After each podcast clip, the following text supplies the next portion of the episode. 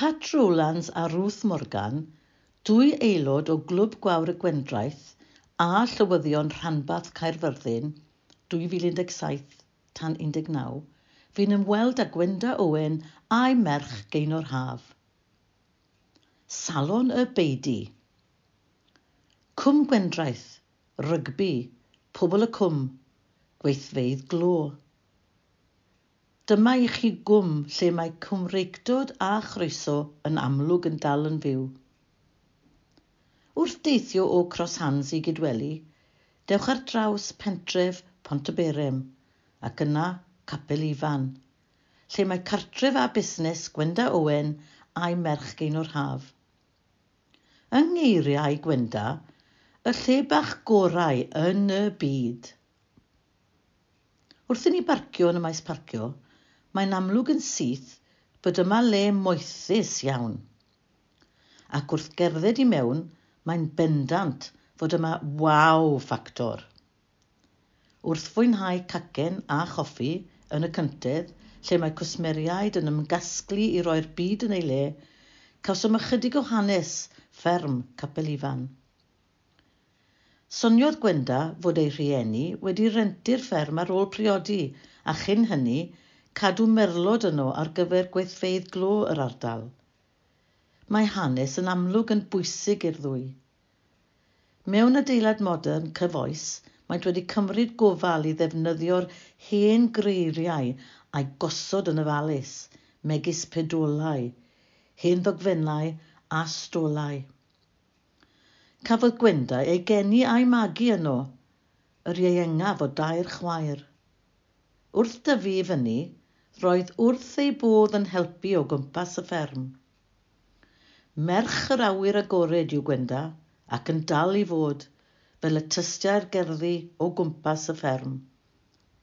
Yn ogystal â'r hen beiriannau ffermio sydd wedi cael ei gosod fel rhan o'r gerddi er mwyn cofio am hapusrwydd ei fflintyndod a'r hyn a fi yno. Roedd diddordeb mewn harddwch wedi bod gan Gwenda erioed – roedd wedi derbyn llawer o brofiadau yn y maes wrth iddi ddilyn gyrfa yn actio, canu a phefformio. Roedd ei mam wedi ei hanog i ddilyn ei diddordebau. Ar ôl colli ei mam yn 2004, aeth ati hi hyfforddi ac agor busnes trin gwallt yn y fferm di gyda'i merch geinor. Wrth weithio, roedd y ddwy yn edrych allan o'r ffenestr y tŷ ac yn sylweddoli bod yr hen feidi yn mynd ar ei weithaf. A dyma ddechrau'r freuddwyd. Erbyn hyn, mae'r freuddwyd yn reality ac agorwyd salon y beidi ar ragfyr yr ail 2019. Yng ngeiriau ei gŵr, Emlyn Dole, gwallt lle bu gwellt a lliw lle bu llo. Doedd dim angen mynd ymhellach na'r teulu i ddod o hyd i weithwyr, Roedd yna berthnasau a oedd yn fwy na pharod i gynnig ei sgiliau er mwyn trawsnewid y beidi yn ddau adeilad newydd. Erbyn hyn, mae salon y beidi yn cynnig lle i drin gwallt a thriniaethau harddwch. Ac ystafell grog loft yn cael ei llogi ar gyfer gwahanol weithgareddau o yoga i ddosberthiadau cynghaneddi – Datblygwyd rhan arall o'r beidi yn fwthyn gwyliau moethus, sef y beidi bach, a agorodd fus hydref. Soniodd y ddwy pa mor bwysig ydy cynnig gwasanaeth lleol o safon mewn awyrgylch Cymreig, hapus ac iachus.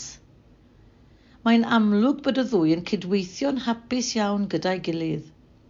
Ym marn Gwenda, mae ei merch yn deimladwy ac yn agos atoch ac ym marn geinor mae ei mam yn barod i blesio ac yn llawn hwyl a sbri.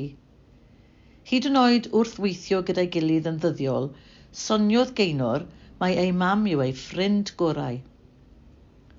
Fel y byddwch yn ei ddisgwyl, dydyn nhw ddim yn gweld lygad yn llygad o hyd, ond yn ffodus iawn mae eu cymeriadau, un yn wyllt ac un yn cŵl, dyn ni ddim yn mynd i ddatgelu pin yw pin, yn plethu'n dda. Er mwyn rhedeg busnes o'r fath yma, mae personoliaeth yn holl bwysig, a dyma i chi ddwy egniol hapus sy'n sicrhau mae'r cwsmer sy'n bwysig. Mae'r ddwy yn bositif ac yn llawn brwd frydedd, yn amyneddgar ac yn barod i wrando er mwyn sicrhau bod y cwsmer yn cael triniaeth sy'n plesio Mae'n amlwg yn fusnes sy'n datblygu trwy'r amser ac yn barod i symud ymlaen gyda thriniaethau newydd ffasiynol. Heb os, mae Gwenda a Gaenor wedi cyflawni llawer, canu a pherfformio. Trin gwallt, triniaethau harddwch a nawr twristiaeth dydy'r ddwy yma byth yn aros yn yr unfan ond yn hytrach yn symud gyda'r oes gweledigaeth mam a merch. Ond beth y ddaw nesaf? Darllenwyd yr erthigol gan Hazel Thomas, aelod o gangen Llanabyddyr, rhanbarth Ceredigion.